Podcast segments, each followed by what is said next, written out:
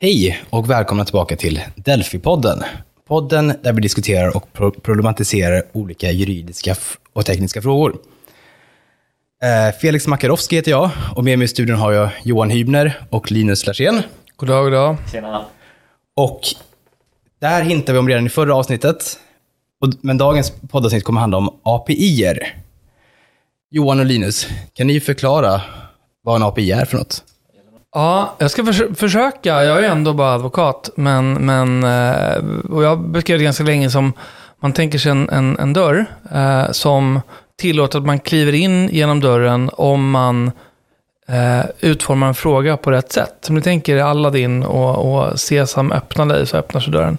Men det finns faktiskt ett lite mer sofistikerat sätt att beskriva det på. och Det eh, har jag Ehm, det, det beskrivs i ett avsnitt på YouTube eller har fått berättat för mig. Men det är, tänk att du kliver in på en restaurang för att äta.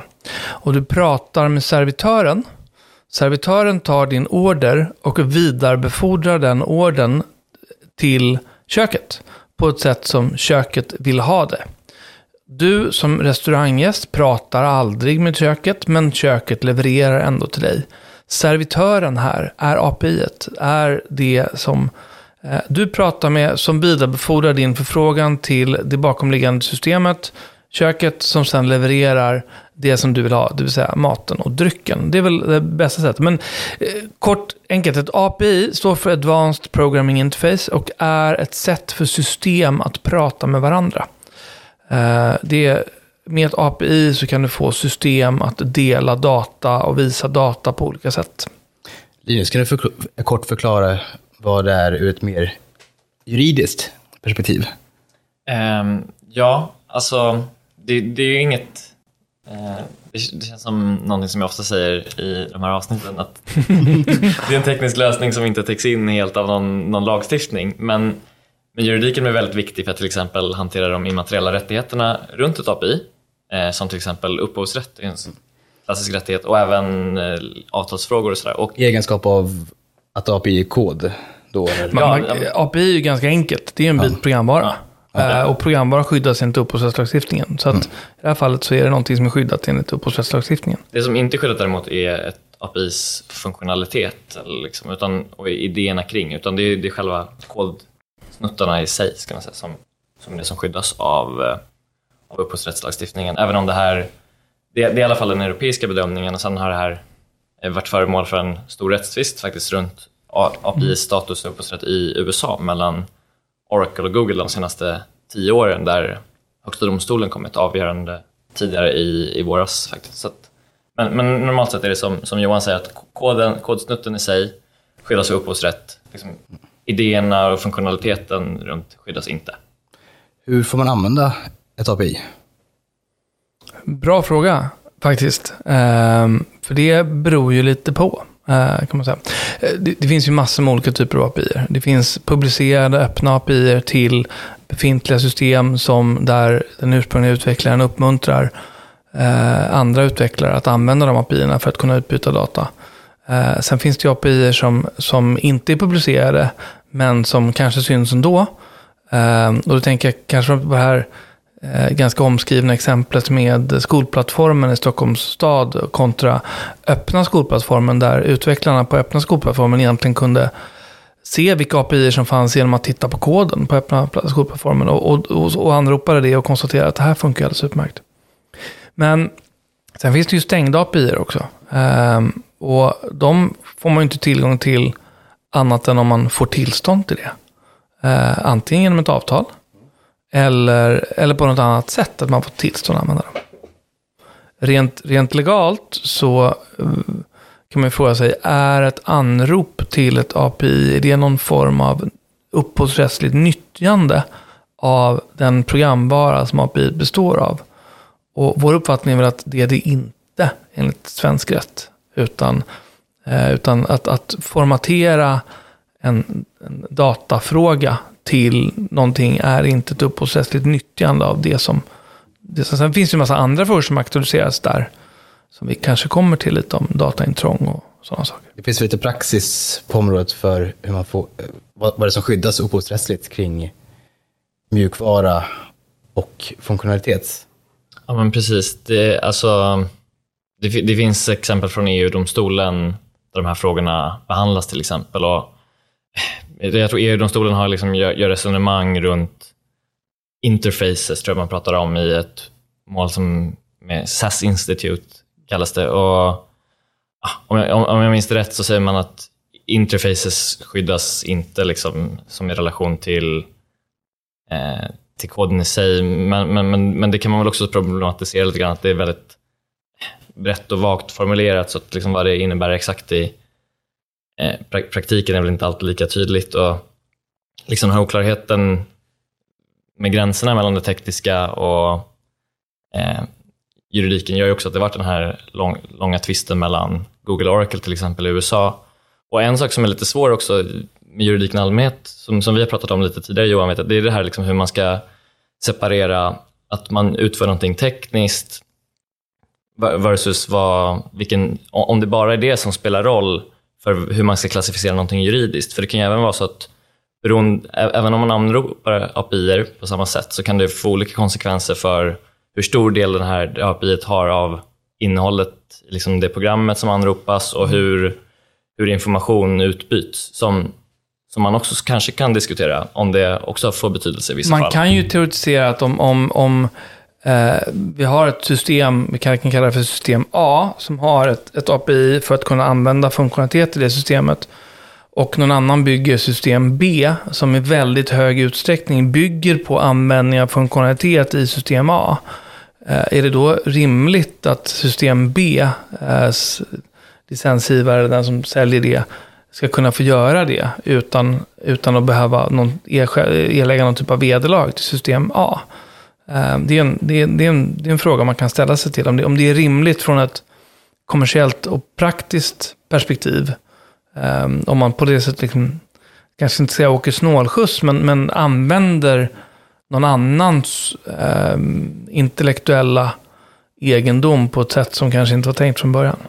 Och den frågan skulle jag inte heller ställt på sin spets än, så där, där, kan vi ju bara, bara resonera i, i nuläget.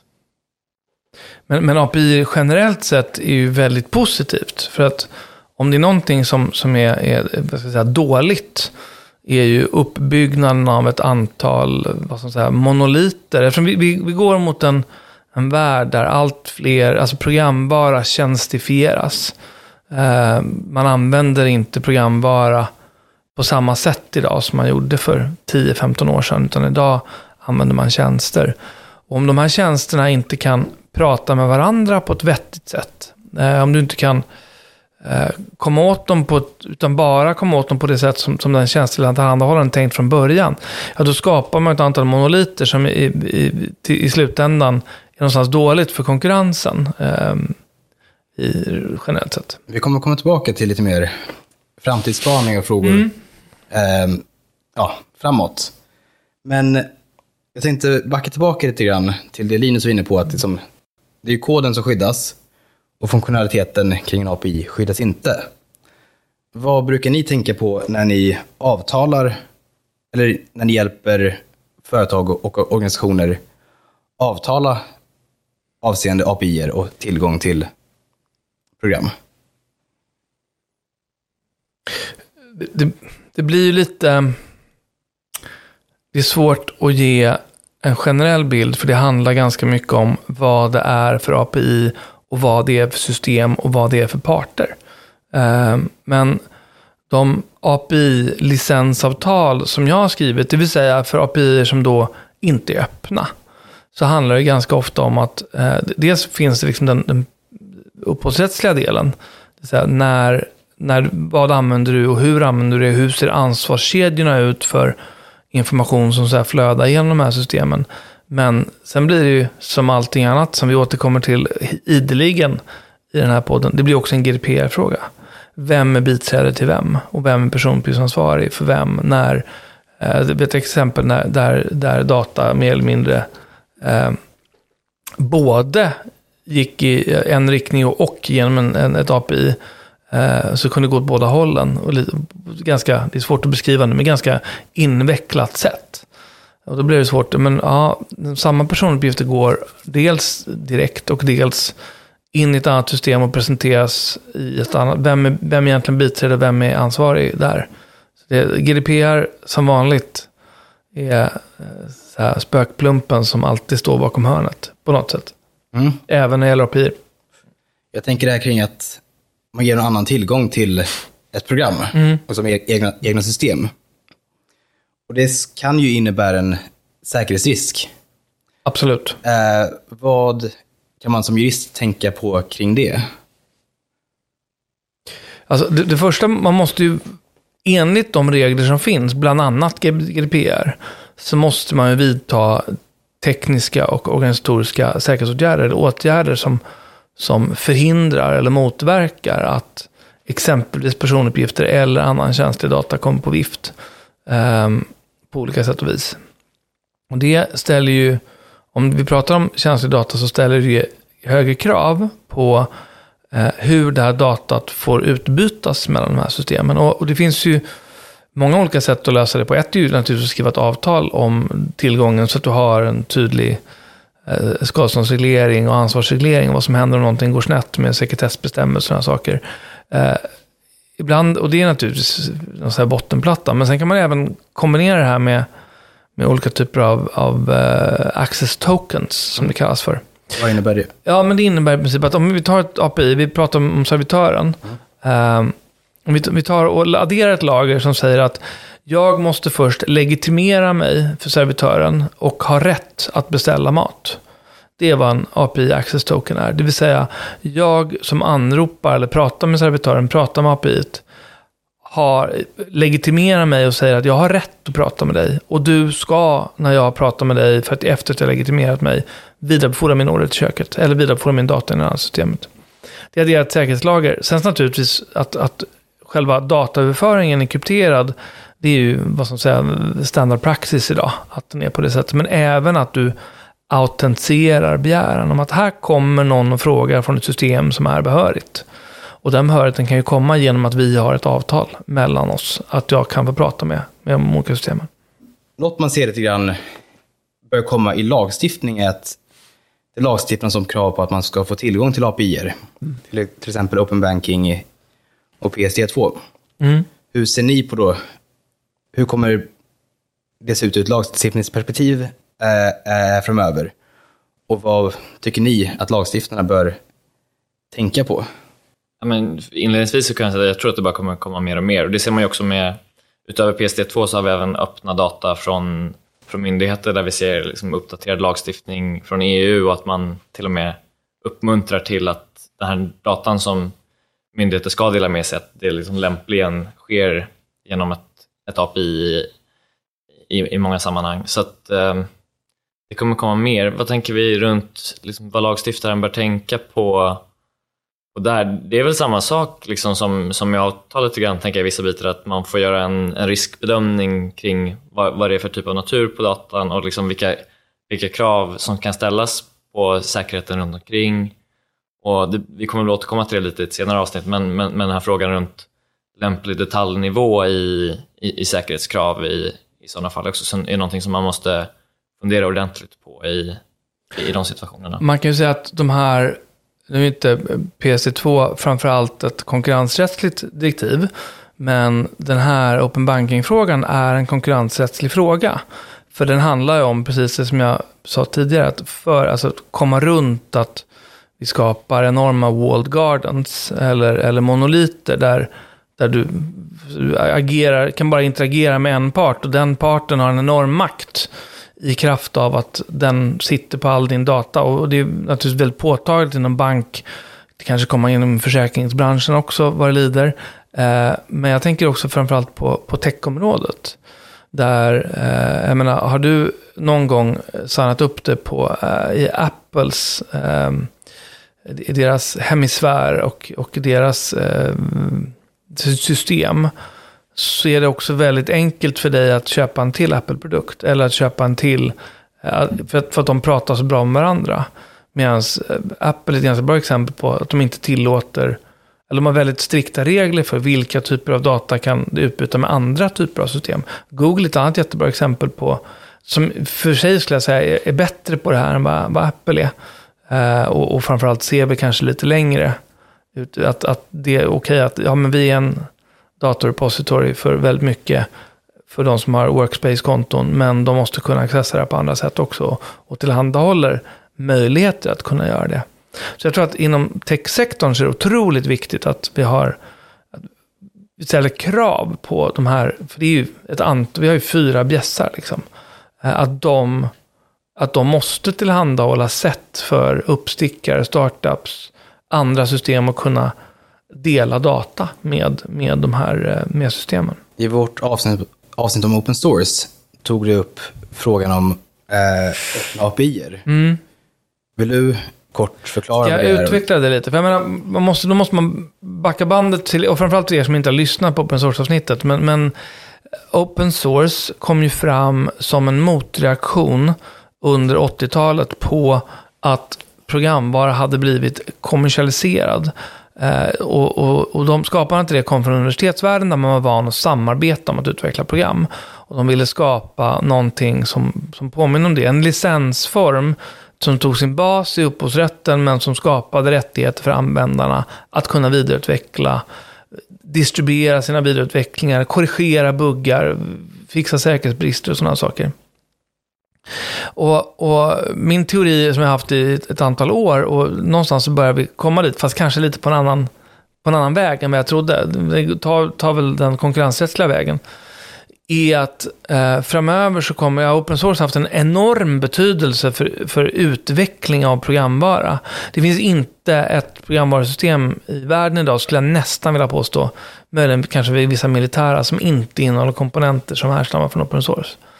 Eh, det är ett jättebra sätt att snabbt kunna ta fram eh, fungerande och säker programvara. Eh, men det har ju, och det är tack vare de här licenserna är öppna. Jag tror att vi kommer se motsvarande utveckling på API-sidan. Att det, vi behöver en open source-rörelse vad det gäller öppna API. Det kan, öppna, de kan ju naturligtvis vara avtalsbundna eller det kan vara med sådana här access tokens som vi pratade tidigare för att säkerställa att det är säkert. Men att det finns en skyldighet för eh, tillhandahållare av system att möjliggöra att andra system på ett, på ett enkelt, systematiskt och, och, och, och och eh, strukturerat sätt kan utbyta data mellan systemen. Eh, för det tror jag kommer gynna konkurrensen och framförallt öka innovationskraften i, i eh, utvecklingen av, data, av system. Jag menar, när, jag, när jag började jobba i slutet på, på 90-talet under den första it-boomen så var jag en av de stora drivkrafterna hos investeraren då. Ja, men de har så himla mycket kunddata de äger sina kunder. De har så otroligt mycket kunder. Och redan då kan man ju konstatera att, att PUL, som redan har trätt i kraft, var i visst mån ett hinder mot att sälja den här typen av uppgifter.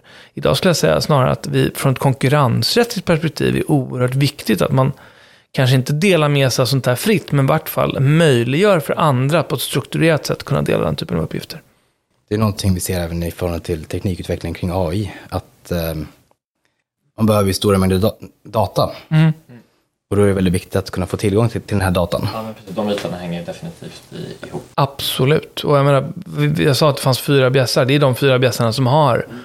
Idag tillräckligt mycket data för att kunna träna AI på ett effektivt sätt. Och sen finns det även bjässar inom varje sektor. Ja. Kan man säga.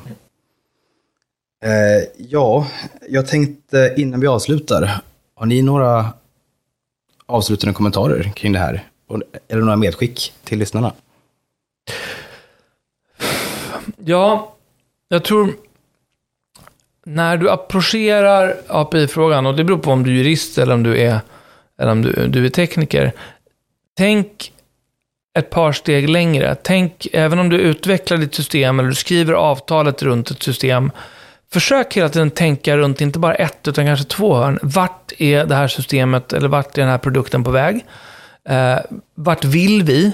Och hur positionerar vi oss i förhållande till vår omvärld? Och vad vill vi att eh, så här, vår omvärld, vad, vad, vill vi få ut av vår, vår omvärld och vad vill vi kunna ge till vår omvärld? Så att både om du, om du funderar på att utveckla systemen, eller på att utveckla system, så tänk att du kommer att tjänstifiera det här och du kanske kommer, och på vilket sätt du skulle kunna utbyta data med andra.